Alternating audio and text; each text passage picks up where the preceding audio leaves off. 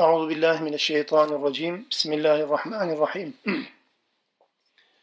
الحمد لله رب العالمين والصلاة والسلام على رسولنا محمد وعلى آله وصحبه أجمعين.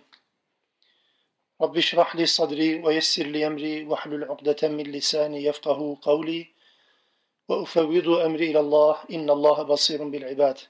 لا حول ولا قوة إلا بالله العلي العظيم. Alemlerin Rabbi olan Allah'a hamdü senalar olsun. Onun Resulüne, al ve ashabına, ehli beytine salatü selam olsun. Allah'ın rahmeti, bereketi, mağfireti, selamı ve selameti hepimizin üzerine olsun inşallah.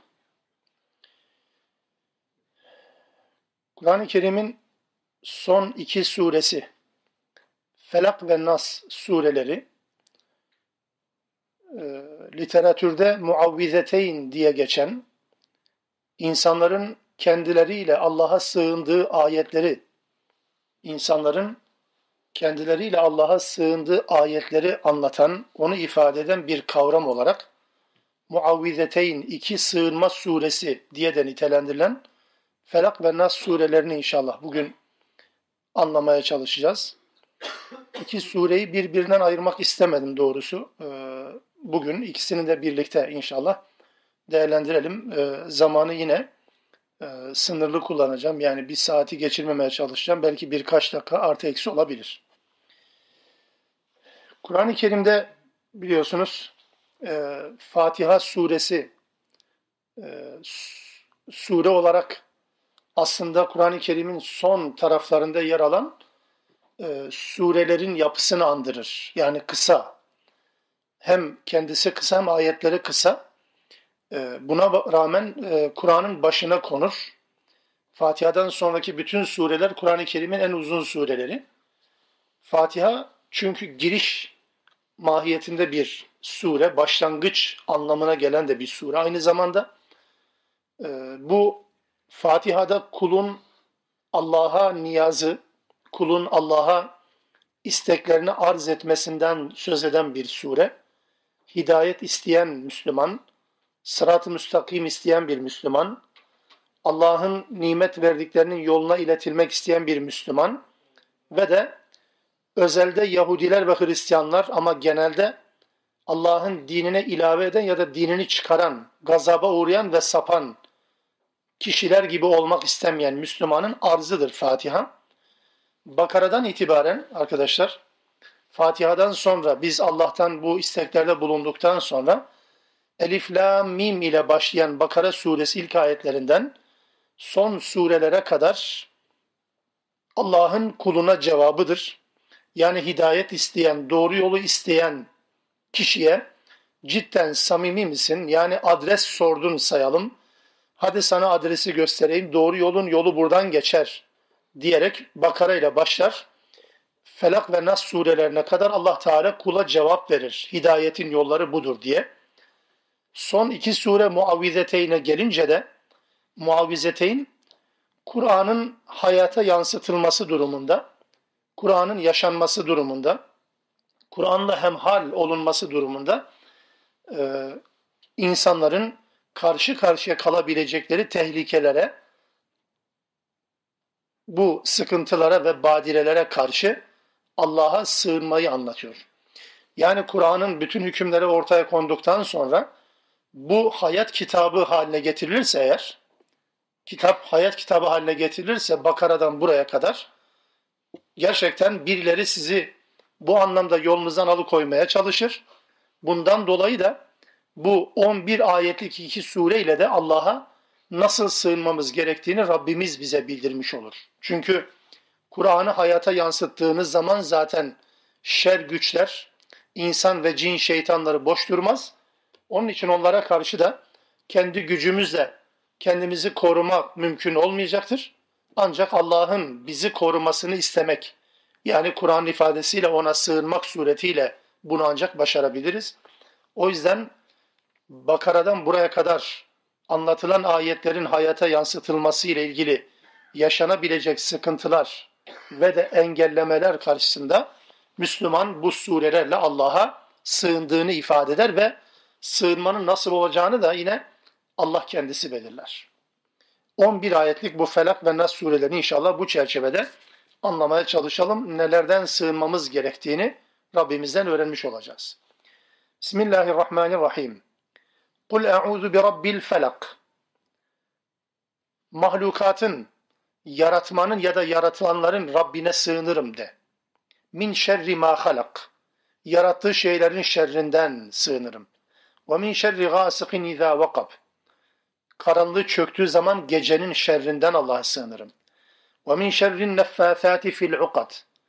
Düğümlere üfleyip büyü yapan büyücülerin şerrinden Allah'a sığınırım. Ve min şerri hasidin izâ hased. Ve de haset ettiği zaman haset edenlerin şerrinden Allah'a sığınırım. Kul e'udhu bi rabbin nas. De ki insanların Rabbine sığınırım. Melikin nas, insanların melikine, sahibine sığınırım. İlahin nas, insanların ilahına sığınırım. Min şerril vesvasil hannas. Hem de vesvese veren ve gizleyen, her seferinde sinerek iş yapan şeytanların şerrinden. Ellezî yuvesvisu fî sudûrin nas.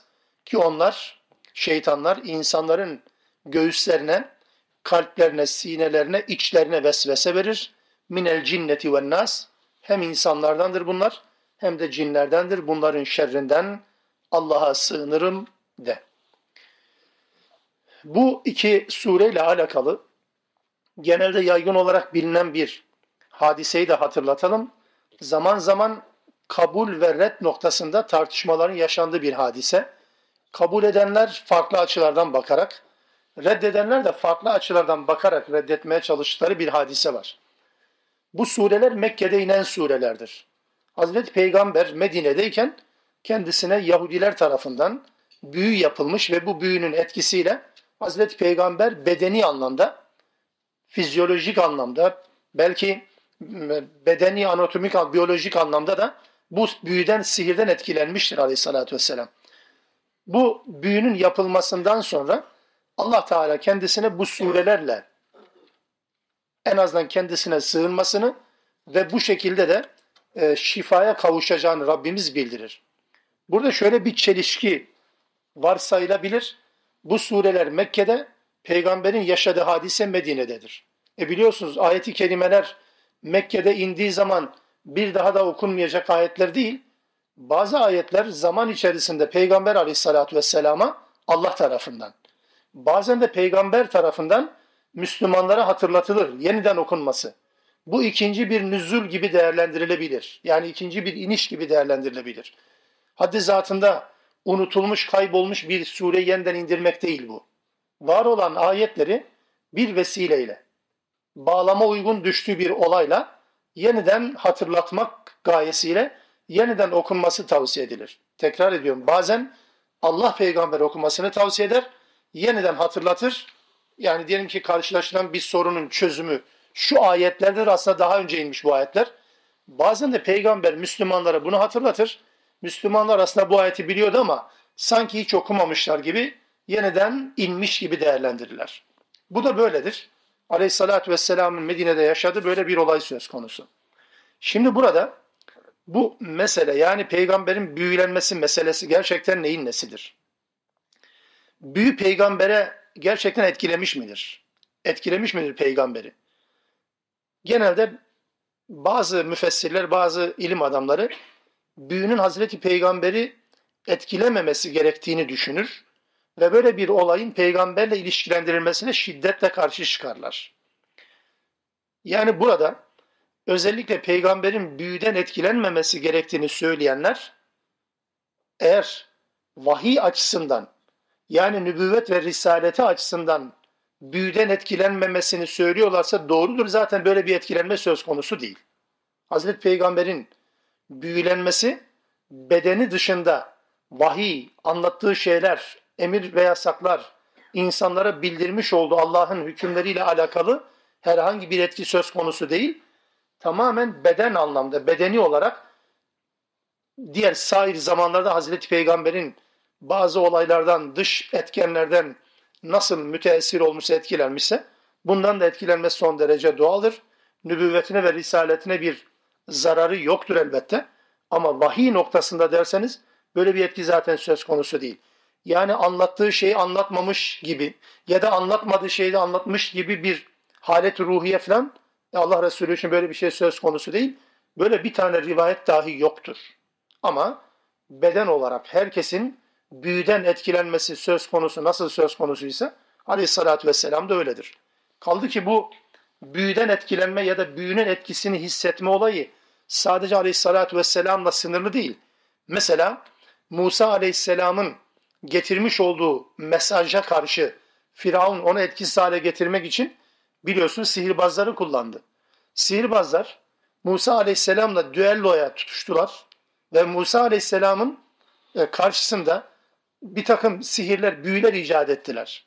Allah Teala Kur'an-ı Kerim'de Musa Aleyhisselam'ın karşısına çıkan bu sihirbazların sihirlerini atmasıyla alakalı konuyu anlattığı ayet-i kerimede mesela Araf 116. ayet-i kerimede diyor ki Allah Teala Musa'nın seyrettiği bir ortamda sihirbazlar sihirlerini atmışlar. Felemma elqav saharu ayunen nas. Sihirlerini, iplerini, çubuklar neyse attılar sihirbazlar. Güya çok büyük bir sihir ortaya koyacaklar. Hakikaten insanların gözlerini büyülediler. Vestarhabuhum ve onları korkuttular. Ve ca'u bi sihrin azim. Ve gerçekten çok muazzam bir sihir gerçekleştirdiler. Şimdi tabi bu sihrin insanları korkuttuğunu Allah Teala ifade ediyor. Araf 116'da. İnsanları korkutuyor ve de sihrin azim. Allah bunu ifade ediyor. Büyük bir sihir. Etkisi dışarıdan hissedilebilecek kadar evet büyük bir sihir. Peki Musa etkilendi mi? Aynı konu mesela Taha suresinde 66, 67, 68. ayet kelimelerde konu Musa'nın korkması söz konusu edilerek anlatılır. Der ki: "Feucese fi nefsi khifeten Musa." Musa'nın içerisinde bir korku ortaya çıktı. Kulna dedi ki: "La tahaf. İnneke entel a'la." O sihirlerin sihir olduğunu en iyi bilen Musa, sihir sihir olduğunu en iyi bilen Musa buna rağmen Musa korktu Allah Teala öyle ifade ediyor ve diyor ki korkma sen üstün geleceksin. Bunu söyleyince Musa tekrar kendisini toparladı. Dolayısıyla sihrin etkisi peygamberse yoktur deme imkanımız yok beşere arız olacak, beşeri etkileyecek ne kadar süreç varsa bu süreçlerin tamamı peygamberler içinde söz konusudur. Yani bu peygamber beşeri özelliklerini tamamen göz ardı edemeyiz. Etme imkanımız yok. Beşer olarak bir insan kim, neden, nasıl etkilenirse aleyhissalatü vesselam da aynı şekilde etkilenir. Etkilenmesi son derece normaldir. Biyonik adam değildir çünkü. Kaldı ki aynı şey mesela Bakara suresinde sihrin etkisini Allah Teala Harut Marut kıssasını anlatır. 102. ayet kelimede. Diyor ki Allah Teala uzunca bir ayetin ilgili bölümünü sadece hatırlatayım. Harut Marut insanlara vahiy öğretmek için gönderilen insan suretinde gönderilen melekler onlara vahiy öğretiyor. Babil ülkesinin insanları Harut Marut adlı meleklerden hem vahiy öğreniyorlar hem de vahiy ile karışık bir takım büyüler yapıyorlar. Yani işe biraz kutsallık katmak gerekiyor ayetle, vahiy ile birlikte ama bazen de etrafı bozmak için kullanıyorlar bunu. Allah bu tablodan bahsederken diyor ki فَيَتَعَلَّمُونَ مِنْهُمَا مَا يُفَرِّقُونَ بِهِ بَيْنَ الْمَرْءِ وَزَوْجِهِ Bakara 102. ayette anlatılan bu konu. Diyor ki Allah Teala onlar bu meleklerden hem vahiy öğrendiler hem de sihri ve kalktılar. Üstelik öyle bir sihir, yani sihri onlardan öğrenmediler büyü onlardan öğrenmediler. Vahiy öğrendiler. Büyüyle vahiy içe katarak insanlara bir şey takdim ettiler. Ve bununla da ilginçtir. Karı kocanın arasını ayıran şeyler öğreniyorlardı. Karı kocanın arasını ayıran. Etkili oldu mu tabii ki. Yani büyünün etkisi yadırganmıyor. Hem Musa hem de Harut Marut bağlamda Kur'an-ı Kerim bunu ifade eder. Bunun etkisini tartışmaya gerek yok. Ama vahiy üzerindeki etkisini söylersen böyle bir etki peygamber için söz konusu değil. Ama beden olarak sen ben ne kadar etkileniyorsa o kadar etkileniyor. Bu görünen bir şey olmamasına rağmen nasıl etkisi olabilir diye sorarsanız Yani nazar bazen aklımız almayabilir. Büyü aklımız almayabilir. Mesela rüya desem herkes rüya ile iç içedir. Rüya görünen bir şey değil, ispat edilen bir şey değil. Aslında dışarıdan hissedilen bir şey de değil ama fiziksel etkisi var mı? Hem de nasıl? Yani görülen rüya insanı korkutabiliyor. Görülen rüya, rüya gören kişiyi uyanık birisi seyrettiği zaman diyelim ki onu bir kayda aldığında çok daha net inandırıcı olabilir belki.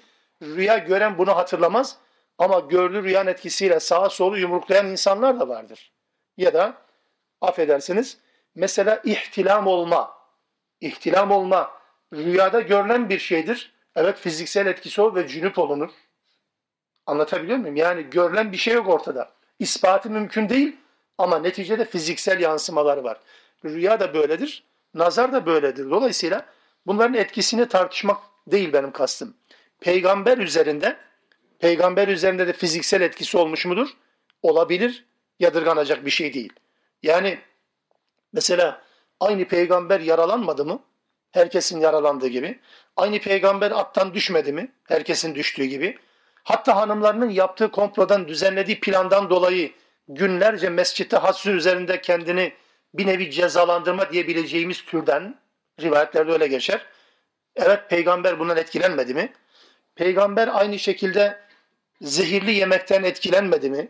Zehir etkilemedi mi kendisini? Yani bu ve buna benzer belki onlarca örneğini sayabileceğimiz peygamber üzerinde olumsuz etkisi olan olaylar var. Onlardan bir tanesi sadece. Ama tekrar ediyorum aleyhissalatü vesselamın üzerinde vahiy açısından vahye zarar verecek, vahiy üzerinde kuşku uyandıracak herhangi bir etkisi söz konusu değildir elbette. Aleyhissalatü vesselamın bu anlamda böyle bir şeye maruz kalması beşeri özellikleri itibariyle son derece normal. Yadırganan şey eğer vahiy ise zaten vahiy ile alakalı bir sorun yok elbette. Bu surelerle alakalı, muavvizeteyn sureleriyle alakalı e, şöyle bir konu da başlık olarak açılabilir. Hadislerde, hadis kaynaklarında rukiye denir. Rukiye. Yani okuyup üfleme dediğimiz. Bu iki surede aleyhissalatü vesselam zaman zaman özellikle geceleri yatağına yatarken, yatmak üzereyken okuyup eline üfleyerek üzerine bütün bedenine eline ulaştığı bütün yerleri sıvazlamak suretiyle okuduğunu öğreniyoruz. Neredeyse her gece. Hatta hastalandığı zaman aleyhissalatü vesselamın okuduktan sonra Hazreti Ayşe'nin onun böyle bedenini sıvazladığını öğreniyoruz. Bu rukiye dediğimiz şeydir. Üfürükçülük değildir. Üfürükçülük değil, muskacılık değil. Bakın hadis kaynaklarında bu konuyla alakalı çok net bilgiler verilir. Bir Müslümanın kendisine ya da bir Müslümanın bir başkasına okuması mümkün, okuduğunu anlamak şartıyla, okuduğuna inanmak şartıyla ve okuduğunun ne anlama geldiğini bilmek şartıyla bu şekilde okunur. Yoksa ne söylediğini bilmeyen bir insanın okuduğunda da bir anlam olmayacak elbette.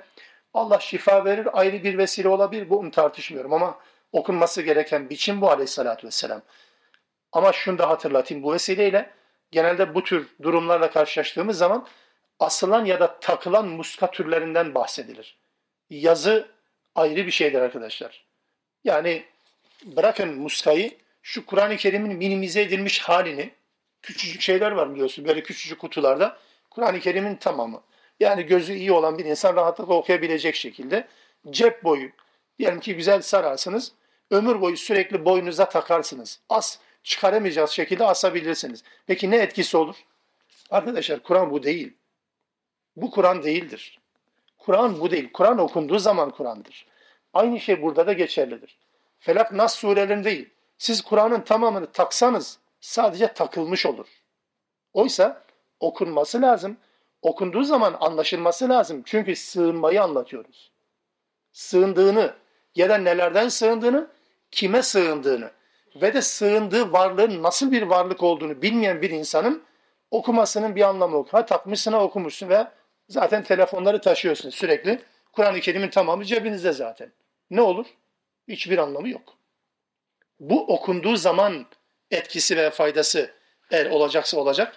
O da mutlak anlamda bir tabir caizse adrese teslim bir şifa değil arkadaşlar. Yani prospektüs değil bu. şunu okursanız buna faydası olur. Böyle bir kural yok. Böyle bir kural yok. Yani şunu okursanız buna, şunu okursanız buna böyle bir liste yoktur. Bir Müslümanın kendi zafiyetini, Allah'ın da gücünü, kudretini anlamasıyla, anlamasına yönelik e, ayetlerdir bunlar. Yoksa takılan ya da asılan bir konudan bahsetmiyoruz.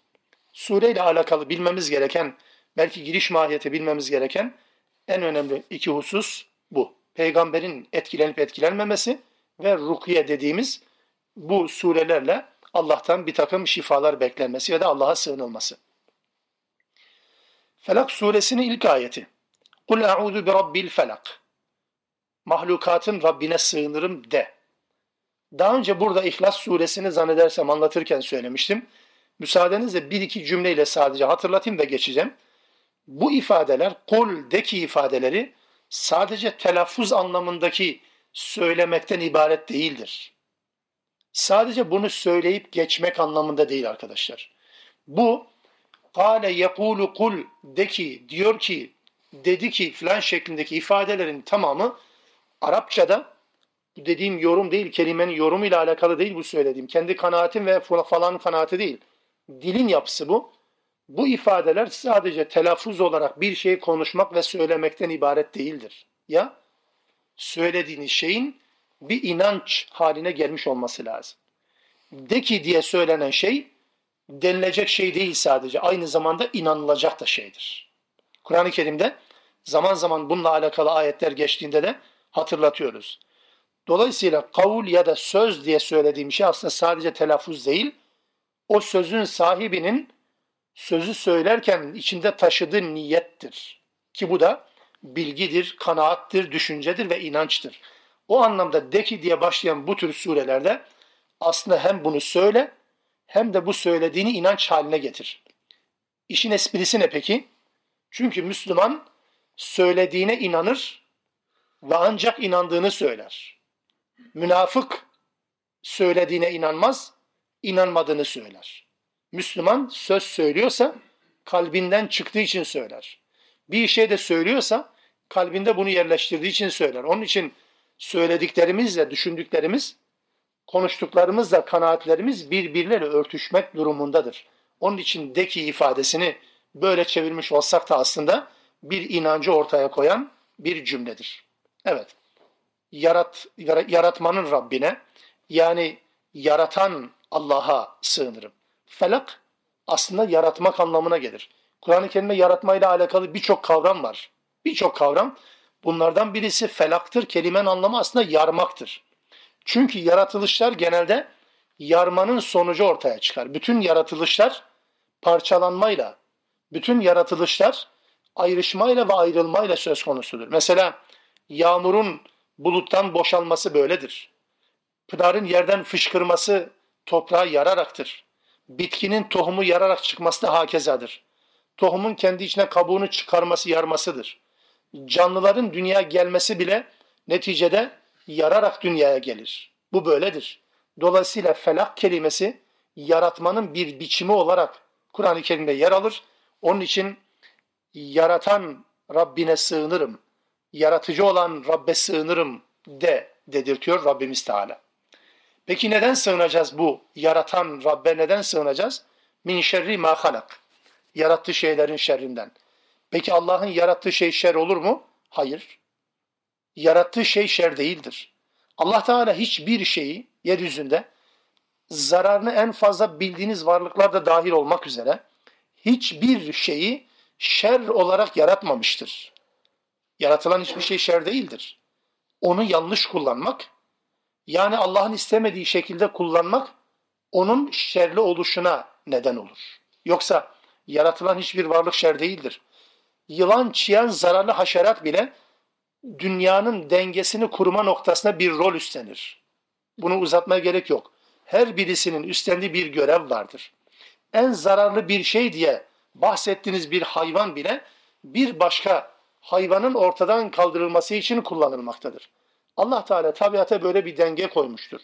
Birini çektiğiniz zaman tabiatta o dengeyi bozarsınız. Zirai ilaçların haddinden fazla artmasının nedeni ne? Allah'ın mahlukatta e, kainatta yaratmış olduğu, serpiştirmiş olduğu mahlukatın, yaratılmış varlıkların, hayvanların kimilerinin yok edilmesi üzerinden bu tür hastalıklar ortaya çıkıyor. Her seferinde yeni bir alternatif ilaç. Bakın 30 yıl önce, 40 yıl önce geçildiği zaman böyle bir tarım sektörü yok zaten. Böyle bir ziraat sektörü yok. İnsanlar tabiatı bozunca yerine mecburen başka bir şey koyacaksınız. Bozduktan sonra da düzeltme imkanı yok. Yıllar önce bir kitapta okumuştum. Amerika'da yani dini bir şey değil bu. Bir araştırma. Amerikalıların bir tespiti. Amerika'da bir böcek türünün yok edilmesi için bir ilaç geliştiriliyor. Alabildiğine yoğun olan bir ilaç ve bu ilacı bu ilaç geliştirildikten sonra o hayvandan kurtuluyorlar sözde. Hayvandan kurtulduktan sonra yani zararlı olduklarına kanaat getirdikleri için bütün bilim adamları hayvanlardan kurtuluyorlar. Belli bir süre sonra aşama aşama bu kez tarım alanları öyle bir ot tarafından istila ediliyor ki bu ot bu otu ortadan kaldırma imkanı bulamıyorlar. İstila eden ot hiçbir bitkinin yeşermesine, ürün vermesine müsaade etmiyor. Ne arpa, ne buğday, ne mercimek, ne diğer hiçbir şey istila eden, tarlaları istila eden bu ot yüzünden yetişmiyor. Bizim ayrık otuna benzer bir ot düşünebilirsiniz. İflah etmiyor bitkiyi. Bilim adamları bu kez bunun üzerine bir araştırma. Acaba niye böyle? Neticede bir bakıyorlar ki bu hayvanın varlığıyla bu ot arasındaki ilişki araştırılıyor. O hayvan bu otun büyümesini engelleyen bir hayvan meğer. Bu kez bilim adamları oradan silip süpürdükleri, def ettikleri bu hayvanı komşu ülkelerden getirerek, ithal ederek o hayvanın üretilmesi için çiftlikler kuruyorlar bu kez. Ve tabiata salıyorlar. Allah Teala tabiatta hiçbir mahlukatı sebepsiz yaratmamıştır. Yani ya şu böceğin ne işi var? Dediniz mi Allah bir gün gelir o böceği size yedirtebilir onu da söyleyeyim. Bunu yaşayan insanlar da var. Var gerçekten. Yani Allah Teala ya bu niye yarattı yani bu ne işe yarar kardeşim demeyin. Derseniz bir gün gelir onun toz olarak öğütülüp yutulmasına muhtaç olabilirsiniz. Afaki konuşmuyorum. Örnekleri var çünkü. Onun için Allah hiçbir mahlukatı şerli yaratmamıştır.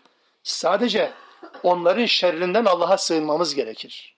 Onların şerrinden, onları yanlış kullanmamızdan, onlarla alakalı kendi kafamızdan ürettiğimiz bir takım yöntemlerle onlara müdahaleden kaynaklanan bir takım zararlardan Allah'a sığınmamız gerektiğini anlatıyoruz. Min şerri ma halak bu.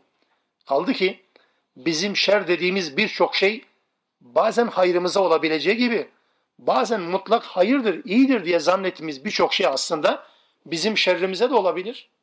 Yani mesela hiç unutmuyorum bu Van depreminde haberlere herkesin ölümü trajik olarak yansımıyor. Bir bayan vefatı özellikle haberlerde sürekli konu yapıldı. Hiç unutmuyorum. Bu bayan asılmış asılmış birkaç yıldır boştaymış. En son tayini çıkmış bana. Meğer ölmek için gitmiş oraya. Depremde vefat etmiş. Yani zannediyorsunuz her şey sizin hayrınızadır. Yani bu şer midir anlamında? En azından izafi olarak, göreceli olarak diyorum. Elbette herkes bir yerde bir şekilde ölecek. İnsanlar bir yere atanmayı, bir nimete kavuşmayı çok kendilerine çok büyük bir hayır olduğunu zannederek habire asılırlar. Meğer aslında kendi sonunu hazırlayacak bir süreç için asılıyorlarmış da haberleri yok. İyi ki de haberleri yok çünkü hayat yaşanmaz hale gelir. Onun için mahiyetini bildiğimiz ya da bilmediğimiz, belki kestirme imkanı olmayan bütün mahlukatın şerrinden ancak o mahlukatı yaratan Allah'a sığınarak rahat edebiliriz. Değilse bu mümkün değil. Üçüncü ayet. Nelerden sığınacağız bir de? وَمِنْ شَرِّ غَاسِقٍ اِذَا وَقَبْ Karanlık çöktüğü zaman gecenin şerrinden. Aslında gecenin kendisi şer değildir. Gündüz ne kadar hayırsa gece o kadar hayır. Bir iyi iş yaparsanız hem gece hem gündüz elbette hayır olur. Gecenin şerli oluşu genelde bütün kötü işlerin daha çok gece planlanıyor olmasıdır. Gece suçların artış kaydettiği bir zaman dilimi bir periyottur.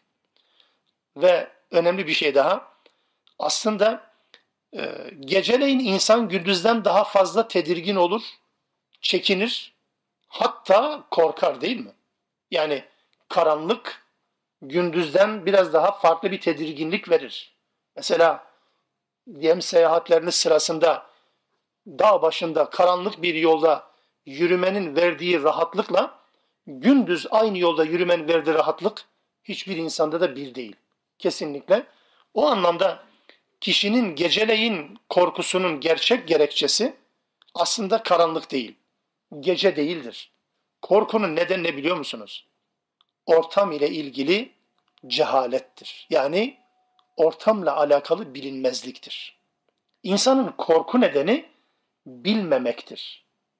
Çünkü görüş mesafesi yok, algılama imkanı yok.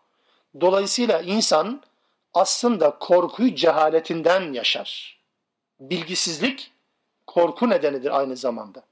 Gece insan ileriyi öteyi göremediği için yani ortam bilinmez olduğu için ortamın cahili olduğu için kişi gece onun için korku salar. Yoksa gecenin gündüzden gündüzün geceden bu anlamda bir farkı yok. Bilinmezlik bizim korkmamıza neden olur. Gecenin ayrı bir şerri de şu anlamda gecenin kendisi değil ama gecenin geçirilme biçimi itibariyle söylüyorum. Bütün komplolar, bütün e, desiseler, hileler yani gündüzde var ama istisnai anlamda olabilir. Genelde hep geceleyin düzenlenir. Gece kötülüklerin ayarlandığı, düşünüldüğü, tasarlandığı bir zaman dilimi olarak da genelde kullanılabilir. O yüzden mesela e, Hazreti Peygamber aleyhissalatü vesselam sadece o günün şartlarında değil, bugün içinde geçerli olmak üzere güneş battıktan sonra çocuklarınızı içeri alın, dışarıda bırakmayın diyor. Bu beraberinde kimi bir takım tehlikelere maruz kalma yönelik bir önlem olarak da düşünülebilir. Dördüncü ayet وَمِنْ شَرِّ النَّفَّاثَاتِ فِي الْعُقَدِ Düğümlere üfleyen büyücülerin şerrinden. Bu hem böyle ifade edilebilir hem de bu daha çok böyle tercüme edildiği için söyledim bunu yani düğümlere üfleme bir nevi büyücülük yapan, büyü yapanların şerrinden Allah'a sığınmak gerektiğini anlatan bir ifade, bir cümle. Ama burada ukad kelimesi, ukad kelimesi bize farklı bir anlamı da verebilir. O da şu, insanlar arasındaki akrabalık bağlarını, insanlar arasındaki ilişkileri koparmak, bitirmek için çabalayan insanların şerrinden Allah'a sığınmayı da ifade eder. Bu belli dönemlerde belli insanların yaptığı şeyler değil, bütün zamanlarda kimilerinin özel rol üstlenerek yapmaya çalıştıkları bir iştir bu. Akrabalık bağlarını koparmak, ilişkileri sıfırlamaya yönelik çabaların arkasında mutlaka sürekli birileri bulunabilir. O anlamda bunu bu şekilde de tercüme edelim. Yani iki şekilde anlamaya çalışalım. Bir, büyücülük yapanların şerrinden, düğümlere üfleyenlerin şerrinden, onların insanları etkilemelerinden Allah'a sığınmak. Aynı zamanda insanlar arasındaki akrabalık ilişkilerini, akrabalık bağlarını koparmak için çabalayan, bunun için olağanüstü güç sarf eden insanların veya varlıkların şerrinden de Allah'a sığınmayı ifade eder bu cümle ya da bu ayet-i kerime. Son Felak suresinin son ayeti وَمِنْ شَرِّ حَاسِدٍ اِذَا حَسَدٍ Haset ettiği zaman haset edenlerin şerrinden. Bunu kıskanma olarak ifade edebiliriz ama tam karşılamadığı için doğrusu kelimeyi orijinal olarak kullanmak gerektiği kanaatindeyim. Kıskançlık dediğimiz şey bazen erkeğin hanımını kıskanması gibi ya da kadının kocasını kıskanması gibi Türkçe tercüme edilir. Bu değil. Haset bu değil. Haset nedir? Haset şu anda geçerli tarife göre haset genelde şöyle tanıtır, tan, e, tanımlanır. Haset birinde olan bir nimetin onun elinden alınması şeklindeki bir düşünceye haset denir. Yani birinde bir nimet var. Ben onu haset ediyorum. İçimdeki düşünce şu. O nimet o adamın elinden alınsın, bana verilsin. Haset bu mu acaba? Doğrusu yaygın bir tariftir ama bu tarifin hadislerde daha çok böyle olmadığını anlıyoruz. Haset yeni bir tanım gibi göre gelebilir size. Ama hadislerde anlatılan tanım, haset tanımı da bu dediğimiz tanım değil. Yani birinin elindeki sahip olduğu imkanların, nimetlerin e, onun elinden alınmasını istemek haset değildir. Falanda var, niye bende yok?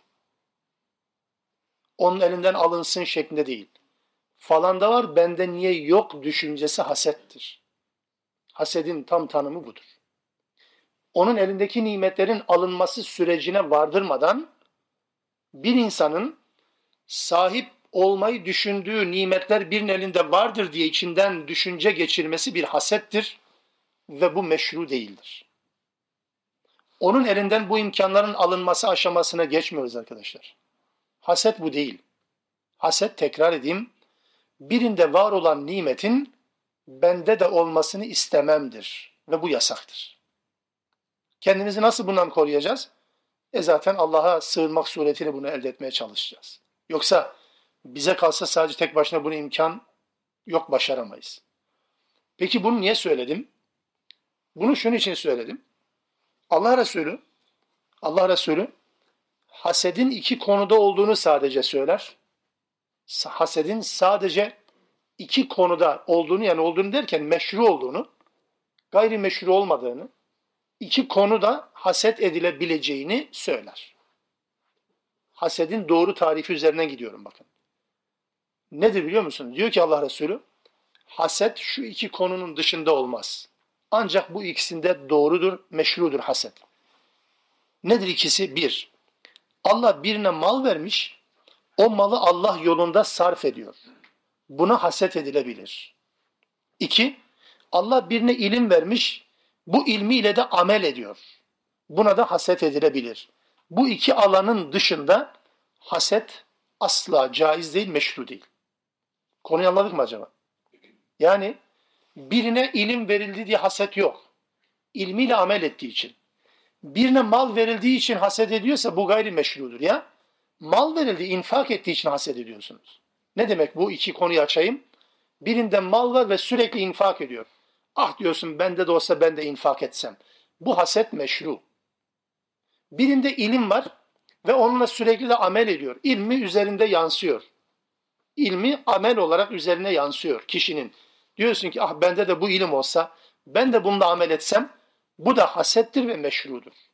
Bunun dışında haset meşru değildir. Falanda bu var niye bende yok? Gayri meşrudur. Onun elinde olan helak olması sürecine gitmiyorum bakın yanlış anlamayın. Haset o değildir. Bu okuduğum hadisi, bu söylediğim hadisi genelde gıpta olarak ya da imrenme olarak Türkçe'ye çevrildiğini biliyorum. Bakın imrenmeyi siz söylediniz, gıptayı siz söylediniz. Aleyhissalatü vesselam hadiste diyor ki la hasede, haset yoktur diyor. Gıpta vardır yoktur demiyor. Haset ancak bunda vardır diyor. Bunun dışında yoktur diyor. Haset. Kelime kullanılan terim bu olduğu için söylüyorum. Onun için haset bir başkasının elindeki nimetin kaybolmasını istemek değil. O ayrıdır. O şühtür. O hasedin öbür tarafıdır. O cimriliğin biraz katmanlısıdır. Anlatabiliyor muyum? Haset birinde olan bende de olsun demektir. Bende olan onda olmasın demek haset değil başka bir şeydir o. Onun için burada özellikle başkalarının sahip oldukları ben bir Müslüman olarak beni ilgilendirmemesi lazım. Yani benim neye sahip olacağım? Birilerinin sahip olduğu şeye göre değerlendirilmez. Bu yanlıştır. Bakın bu huyu, bu karakteri, bu bozuk karakteri çekin, fertlerin ve toplumların hayatları düzelir. O yüzden Allah Resulü boşa demedi. Haset, ateşin odunu yiyip bitirdiği gibi insanların amellerini yiyip bitirir. Çünkü bunun sonu yok ki. Kiminle sen kendini mukayese edeceksin? Amel, ilim, amil olan, amel eden ilim sahibiyle infak eden mal sahibini dışarı çıkaralım. Bunların dışında kiminle kiminle nasıl boy, boyuşacaksınız?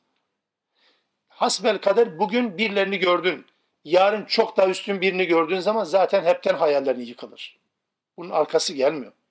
Bugün fertler arasındaki problemlerin de hatta aileler arasındaki temel sıkıntıların da buradan kaynaklandığını rahatlıkla söylemek mümkün. bu haset edenlerin şerrinden de hasetçilerin şerrinden de Allah'a sığınmak gerektiğinin anlamı bu olsa gerek değerli arkadaşlar.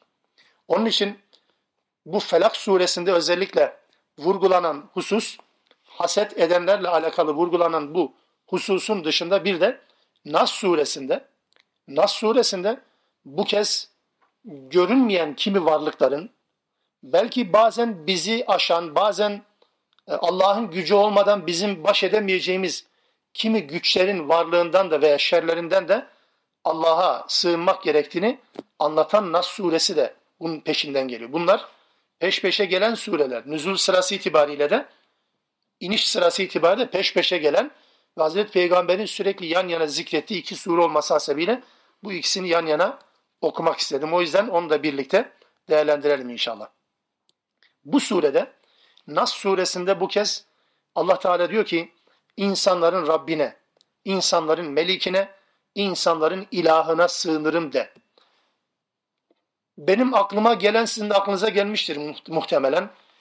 Mesela bir cümlede ifade edilemez miydi? Kul a'udhu bi rabbi ve ilahi ve melikin nas. Türkçede şöyle yani insanların insanların Rabbine, melikine ve ilahına sığınırım de. Niye üç ayette üç kez nas, nas, nas diye tekrar edildi? Oysa biliyoruz ki Kur'an-ı Kerim kelimeleri tekrar ederek değil, daha çok kısaltarak ve kısa ifadelerle meseleyi anlatmaya çalışır. Bu işin önemine olan vurgudan dolayıdır.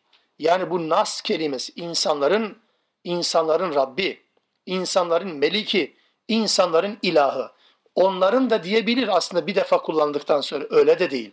Her seferinde insan unsurunu, insanın özelliğini ön plana çıkarmak suretiyle Allah Teala ona önem verdiğini işareten bunu söylüyor. Bunu da özellikle hatırlatayım. Rab, Melik ve İlah. Bunların her birisi bir dersin konusu aslında. Rab, Melik ve İlah. Özellikle eğer okuma imkanınız olursa, Rabbim o imkanı lütfetsin inşallah. Eğer okumadıysanız, okuduysanız tamam zaten. Okumadıysanız Mevdudi'nin, Ebu Ala el-Mevdudi'nin Kur'an'da dört terim, Kur'an'a göre dört terim bu e, kavramların tabi bunun dışında kulluk, ibadet kavramı da yanına konmak suretiyle Allah'ın Rab oluşu, Allah'ın melik oluşu, Allah'ın ilah oluşu, Allah'ın mabud oluşuyla alakalı o Kur'an'a göre dört terimi mutlaka okumamız lazım. Kısa, bir solukta okuyabileceğimiz bir kitap neticede. Ben burada tüm detaylara girme imkanım yok elbette. Zaman da buna müsait değil. Ama anlamamız gerektiği kadarını söylemeye çalışacağım. Rab ayrı bir kavram, Melik ayrı bir kavram, ilah ayrı bir kavram. Üçü de Allah anlatır. Üçü de Allah'ın farklı isimlerini, farklı fonksiyonlarını ya da rolünü Allah anlatır kendisinin. Rab kelimesi bizim Türkçe'de terbiye dediğimiz kelimenin aslında aynı köküdür. Rab kelimesi. Rab terbiye eden.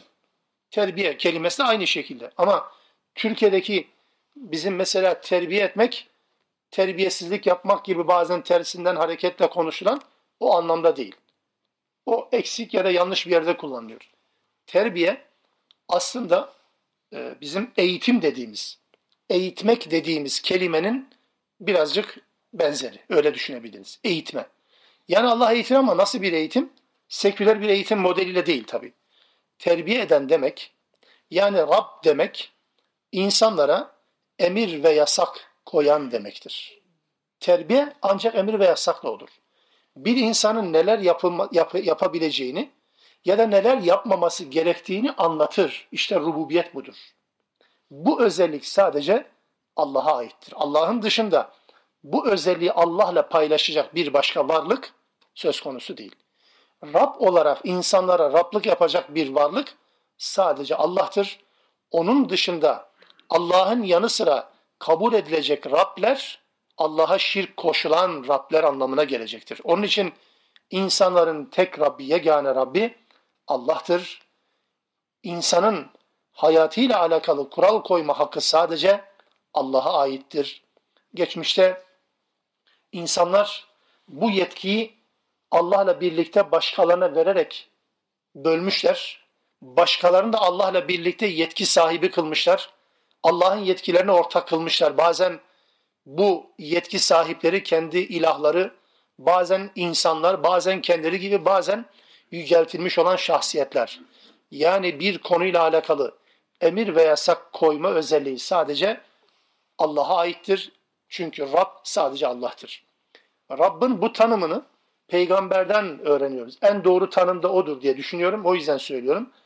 Rab kelimesinin tahlilini yapmayacağım ama sadece Aleyhissalatü Vesselam'ın Rab ile alakalı olarak sahabenin zihninde ortaya çıkan bir yanlış anlayışı nasıl düzelttiğine dair bir örnektir.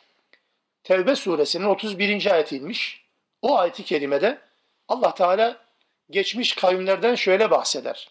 İttehazû ahbârahum ve ruhbânehum erbâben min dûnillâhi vel mesîh ibn.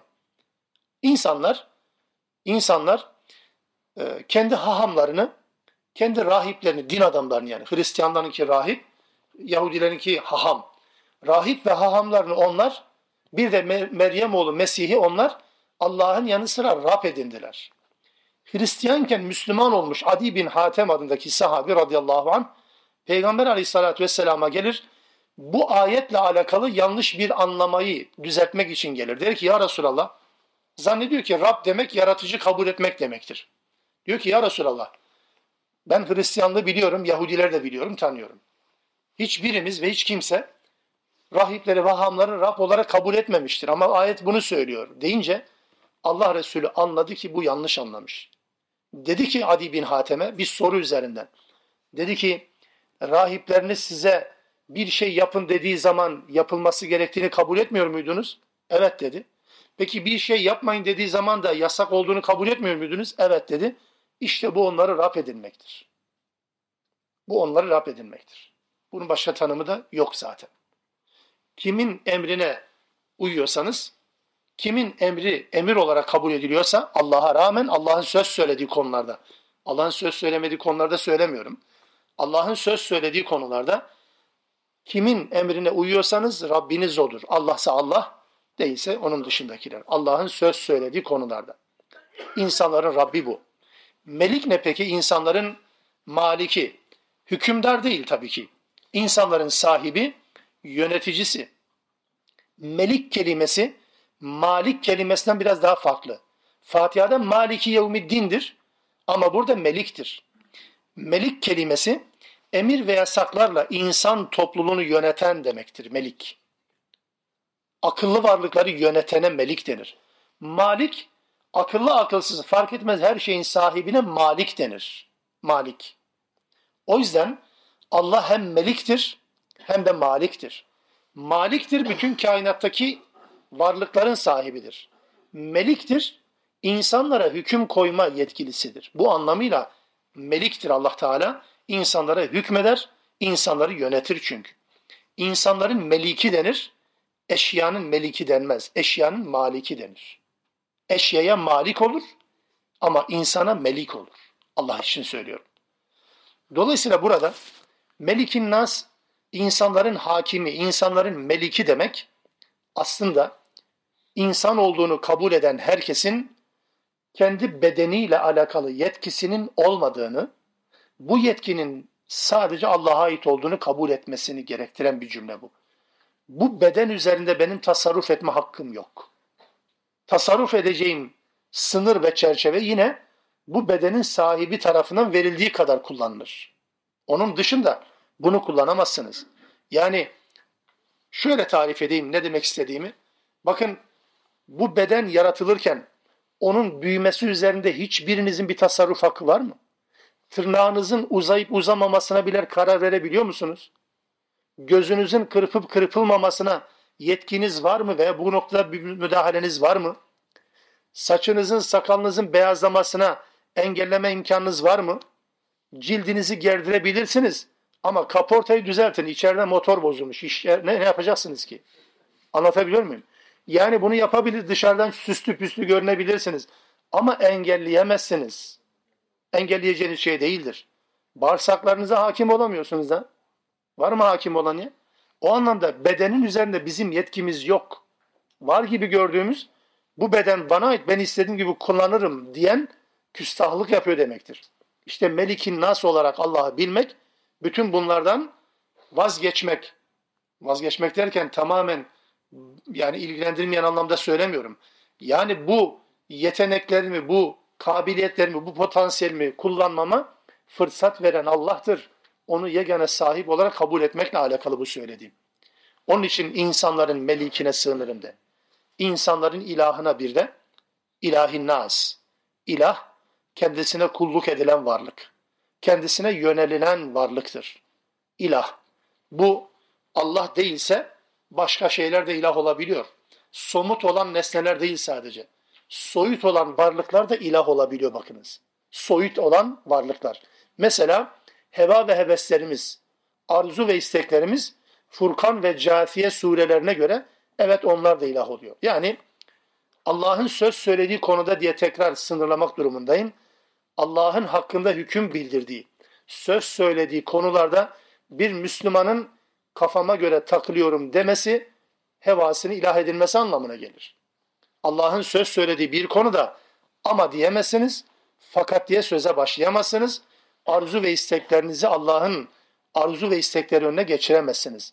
Çünkü Melik'in ilahi nasır Allah, insanların ilahıdır Allah Teala. Peki bunların bu özellikte olan Allah'a hangi konularda sığınacağız? Min şerril vesvasil hannas. Vesvese verenlerin şerrinden. Vesvese veren ve gizlenen varlıkların şerrinden. Vesvese, kelimenin kendisinde git gel yaşayan bir kelime. Vesvese. Yani tekrarı olan. Bakın bir kelime ama aynı kelimede telaffuzlar tekrar. Ves ves şeklinde. Bu bazı Arapça kelimelerde de mesela zelzelede de böyledir. Zelzele aynı şey. Kelime tekrar, kelimenin uygulanması da tekrardır. Vesvese bir defa gitti geldi değil. Sürekli git gel yaşayan bir yapıdır. Bir anlayıştır bu. Vesvese. Hannas ne? Hannas gizlenen şey ya da gizlenmektir. Sinmektir yani. Sipere yatmaktır. Görünmeden bir iş yapabilmek için sahip olunan pozisyon demektir. Gizlenen o vesvesecilerin şerrinden ne yapar bunlar? اَلَّذ۪ي يُوَسْوِسُ ف۪ي سُدُورِ النَّاسِ İnsanların içlerine, kalplerine vesvese verir. Minel cinneti ve nas hem cinlerden hem insanlardandır. İnsanın kalbine vesvese veren varlık, insanın kalbine ona hissettirmeden peş peşe kötü düşünce sokmaktır. Bu sürekli tekrar edilen bir eylem bu. İnsanı bir kere kışkırtmak değil bu. Bir defa kışkırtmakla biten bir olay değil bu. Bir fiili işletebilmek için tekrar tekrar kışkırtmaya vesvese denir. Bir gelir beceremez, iki üç peşini bırakmaz ta ki o işin üstesinden gelince ona yaptırınacak da devam eder. Hannas, gizlenme kelimesi dedik.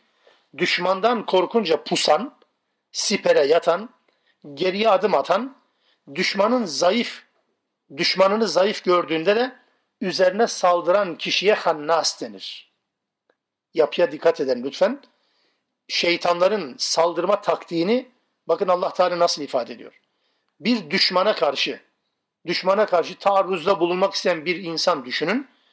Düşmanın gücü ortaya çıktığı zaman bundan korktuğu için sinen, sipere yatan, geri çekilen ama düşmanını zayıf gördüğünde, düşmanın gaflete düştüğünü gördüğü an o zaaf anını fırsata dönüştürüp düşmana saldırana hannas denir. Hannas denir. Burada insanlara vesvese veren, insanlara vesvese veren varlık bakın bu özelliğiyle ortaya çıkıyor. Yani sizin uyanık ve zinde olduğunuz zamanlarda değil, gafil olduğunuz zamanlarda özellikle devreye giriyor ve aktif hale geliyor. O yüzden Abdullah İbni Abbas, Kur'an'ın tercümanı, Allah Resulü'nün görüşlerine son derece itibar etti ashabtan birisi diyor ki, kul Allah'ı andığı vakit, Allah'ı andığı vakit şeytan onun kalbinden siner, geri çekilir ve gider. Kul gaflete düşecek olursa onun kalbini ağzına alır. Bir sembolik anlatım bu.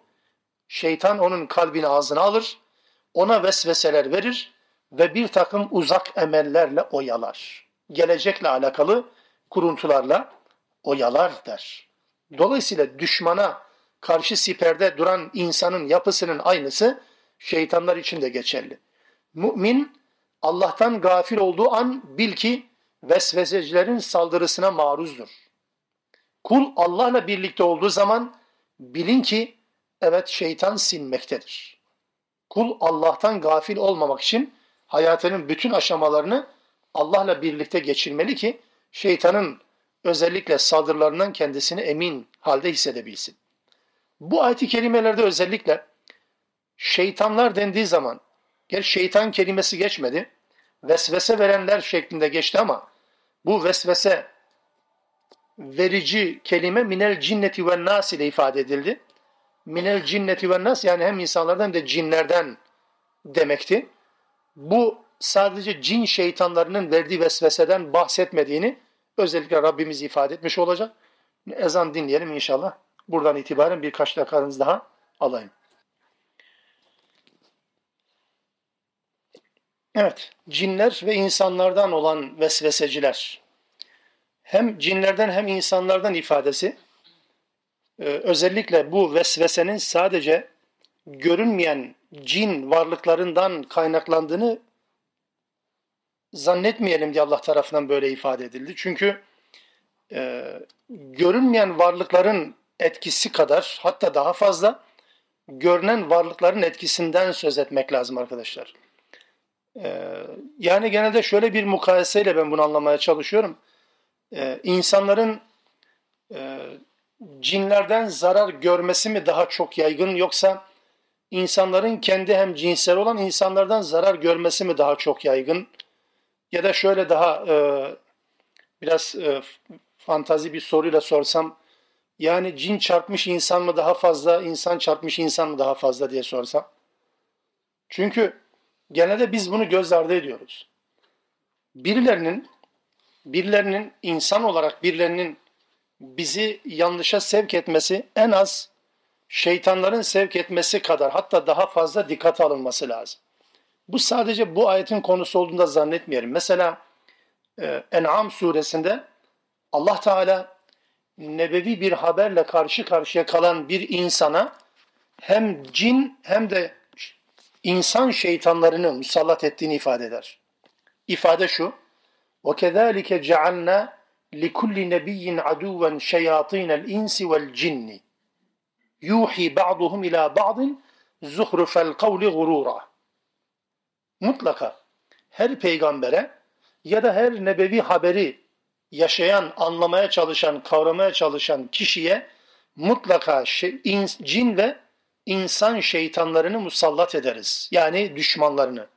Sonra ne yapar? Bunlar yuhi, vahiy kelimesiyle anlatılıyor. Bu şeytanlar, cin ve insan şeytanları birbirlerine ne yaparlar? Vahyederler, ilham ederler. Yani sözleri fısıldarlar. Ne diye? Zuhrufel kavl. Sözlerin yaldızlı olanlarını insanların çabuk kanacakları sözleri birbirlerine bu anlamda ilham ederler. Kim? Cin ve insan şeytanları. Onun için bu sadece Nas suresinin konusu değil arkadaşlar. O açıdan bunu doğru anlamak durumundayız. Şimdi şeytanlar, cin şeytanları üzerinden eğer şöyle anlarsak, hani şeytanlar siner, kul Allah'tan gafil olduğu zaman saldırıya geçer, onu kışkırtır, onu yanlışa düşürmeye çalışır. Kul Allah'ı zikrettiği zaman siner, bekler. Onun tekrar aynı duruma gelmesi için. Bu cümlelerimi bir de insan için kullanalım. İnsan şeytanları. Yani nasıl yani? Mesela Müslümanlar güçlüyken Müslümanlara yakın olanlar ama Müslümanlar zayıf anlarındayken Müslümanlar zaafa düştüklerinde Müslümanlara saldıranlar. Bu kim bunlar? İnsanlar. Senin benim gibi, sizin bizim gibi ya. Müslümanlar güçlüyken Müslümanlara yakın oluyor. Müslümanlara hizmet ediyor. Onlarla birlikte olmaktan şeref duyuyor, gurur duyuyor. Hatta herkesten ön planda olmak için çaba sarf ediyor. En önde olmak için yarışıyor. Hatta bazen riske giriyor çünkü hedef önemli. Müslümanlar güçlüyken ama Müslümanların zayıf olduğu, Müslümanların Müslüman oldukları için yargılandığı, dışlandığı, ezildiği bir dönemde ise Müslümanlara saldırıyı da kendisi gerçekleştiren kimi insanlar da var. İşte bunların da şerrinden Allah'a sığınmak lazım. Bu iki anlamı da siz dikkate almazsanız minel cinneti ve nas iki kelimeyi yan yana koymamızın bir anlamı olmaz. İkisini yan yana koymak gerekiyor. Yani bir cin saldırır, bir de bizim gibi görünen insanlar da bu anlamda saldırırlar bizim zaaf noktalarımızı evet dikkate alarak. İster insan şeytanlar ister cin şeytanları olsun. Bunların şerrinden korunmamızı Allah Teala burada ifade ediyor. Allah'a sığınmamızı emrediyor. Konuyla alakalı birkaç ayeti de hatırlatayım. Bu mekanizma nasıl işliyor? Ya da bu mekanizma işlediği zaman Müslüman nasıl bir yöntemle bunun üstesinden gelebilir? Mesela Fussilet suresinde Allah Teala der ki 36. ayet eğer şeytandan gelen bir vesvese, bir kışkırtma seni bir günaha sürükleyecek olursa eğer hemen Allah'a sığınır. Hemen Allah'a sığın. Şüphesiz her şeyi işiten ve her şeyi bilen odur. Şeytandan bir dürtü gelince hemen Allah'a sığın. Araf suresinde Allah Teala konuyu şöyle anlatır. Ne zaman? Araf suresinin son ayetleri 200 201. ayetler. Her ne zaman şeytandan sana bir vesvese gelecek olursa hemen Allah'a sığın. Çünkü o duaları işitip icabet edendir ve her şeyi bilendir. Şüphe yok ki Allah'a karşı gelmekten sakınanlar, müttakiler yani, kendilerine şeytandan bir vesvese dokunduğu zaman hemen hatırlarlar ve gerçeği görmeye başlarlar. Peki bir şeyi hatırlamak için daha önceden bilgi sahibi olmak gerekmiyor muydu? Bir şey hatırlamak için yaşandığı an o şeyle alakalı bilgiyi hafızada canlandırabilmek için o konuyla alakalı bir bilginin daha önce öğrenilmiş olması lazım. Daha önce çalıştığınız, üzerinde fikir yordunuz, kafa yordunuz, mütalaa ettiğiniz bir bilgi olmalı ki bu bilgi sınavda karşınıza çıktığı zaman he ya ben bunu görmüştüm. Ya iyi biliyorum diye doğru cevaplarsanız ya da görmüştüm ama önemsemedim ama hatırlarsınız. Öğrenmediniz, öğrenmeniz gerekmeyen bir bilgi sorulmaz. Şeytan vesvesesi de böyledir. Peki şeytan kimin üzerinde etkili olur? Yani zannetmeyin ki şeytana alabildiğine fazla bir özgürlük alanı tanınmış. Hayır. Şeytana alabildiğine bir özgürlük alanı tanınmamıştır. Konuyla alakalı bu iki ayet lütfen aklımızda kalsın. Şeytan kimin üzerinde etkili, kimin üzerinde etkili değil. Bu iki sorunun cevabı peş peşe Nahl 98 ve 100. 98, 99 ve 100. ayetlerde verilir. 98'de cümle şu. فَاِذَا قَرَأْتَ الْقُرْآنَ فَاسْتَعِذْ بِاللّٰهِ مِنَ الشَّيْطَانِ الرَّجِيمِ Kur'an okuduğun zaman şeytanın şerrinden Allah'a sığın. Çünkü Kur'an okunduğu, Kur'an anlatıldığı zaman şeytan daha çok mesai yapar. Daha çok mesai yapar. Yani her an böyledir. Bunun istisnası olan hiçbir mekan da yok, hiçbir topluluk da yoktur. Anlatabiliyor muyum? Bu şeytanla baş edebilmek orada bulunanların performansına bağlı. Anlatabiliyor muyum? Yani mesela hiç olmadık şeyler diyelim ki burada biz Felak Nas suresini anlatırken aklınıza gelir. Hiç olmadık şeyler gündeminize girer. Hiç olmadık şeyleri konuşmak canınız ister. Dolayısıyla ya bu ders bitse de bir çıksak falan diyebilirsiniz belki. Aslında bu duyguların, bu dürtülerin tümü evet Kur'an okunduğu zaman bu daha çok ağır basar. Şeytan mesai arttırır. Şeytan mesai arttırır. Yani Kur'an varsa orada şeytan mesai arttıracaktır elbette. Ona karşı siper edilmek anlamda Allah Teala diyor ki şeytandan Allah'a sığının. Kendiniz bunu yapamazsınız, beceremezsiniz. Arkasından 99. ayet. Şeytan kimin üzerinde etkili değil biliyor musunuz? İnanan ve yalnız Rablerine güvenen, tevekkül eden kimseler üzerinde şeytanın bir etkisi yoktur. Allah doğru söylüyor. İman eden ve de Allah'a tevekkül edenin üzerinde şeytan etkili değildir. İstersen bu cümleyi tersinden alın. Başka ne yapacaksınız da? Eğer şeytan birisinin üzerinde etkili oluyorsa, etkisi de kalıcıysa, sürekliyse, geçici zaten herkeste etkili. O ayrı bir konu. Sürekli ve kalıcı bir etki varsa, o insanın Allah'a imanı problemlidir veya Allah'a tevekkülü problemlidir. Allah öyle söylüyor çünkü. Peki şeytan kimin üzerinde etkili? Nahl 100. ayette bunun cevabını verir. Yalnızca kendisine tabi olma istekli olanlar üzerinde ve bir de Allah'a ortak koşanlar üzerinde etkilidir. Şeytan etkili olduğu iki kesim kendisinin izinden peşinden gitme istekli olanlar üzerinde etkilidir. Yani şeytanın izinden gitmeyi bir marifet, bir erdem, bir fazilet ya da bir gurur meselesi haline getirebilir insanlar. Şeytan onların üzerinde etkili ve bir de Allah'a ortak koşanların üzerinde etkilidir. Onun için Allah Teala başta söylediğimi tekrar hatırlatayım. Kur'an'ın tamamını okuyan, anlayan, hayatına yansıtan bir insan bile olsak neticede birilerinin bizi bundan çeldirmeye, bundan vazgeçirmeye çalışacaklarını bilelim. Bu ister cin olsun ister insan olsun. Bazen çok yakınımızdaki bir arkadaş olabilir. Çoğu zaman arkadaşlar şeytanlık yapar. Ben bir iyi şey yapmaya karar veririm ama arkadaşım bir türlü o iyi şey yapmaya bana destek olmayacak gibi tam tersine köstek olur. Engel olmaya çalışır. Anlatabiliyor muyum? O anlamda bu Felak ve Nas sureleriyle Allah'a sığınmamız gerektiğini Rabbimiz bildirmek üzere Kur'an'ın sonuna getir. Aslında Kur'an'ın sonu diye bir şey yok. Burayı bitirdikten sonra tekrar başa dönülür. Okurken de hatimlerde biliyorsunuz böyle yapılır. Ama netice itibariyle bir başlama ve bir bitim noktası tespit edeceksek bunu konuşuyorum. Sonuna bunları getirmesinin esprisi bu. Allah'a sığınmamız gerekir. Çünkü birileri boş durmayacaklar. Kur'an okumasanız problem olmaz. Zaten şeytanın size ihtiyacı da yoktur. Şeytanın sizi kandırma ihtiyacı da yoktur. Çünkü zaten aynı şeytanlığı yapıyor demektir bu insan. Dolayısıyla Kur'an okunduğu zaman, Müslümanca bir iş yaptığı zaman zaten şeytan devreye girer. Namaza başlarsanız şeytan vardır. Oruca başladığınız zaman şeytan vardır. Kur'an okumaya başladığınız zaman şeytan vardır. Tavaf sırasında şeytan aktif hale gelir. Şeytanın aktif hale geldiği en önemli zaman dilimleri kulluk yapmaya başladığınız zamandır. Yaptıktan sonra demiyorum. Yapmaya başlarken şeytana bu anlamda fırsat vermemenin adıdır bu. Allah'a sığınarak, Allah'tan yardım isteyerek buna engel olmak lazım.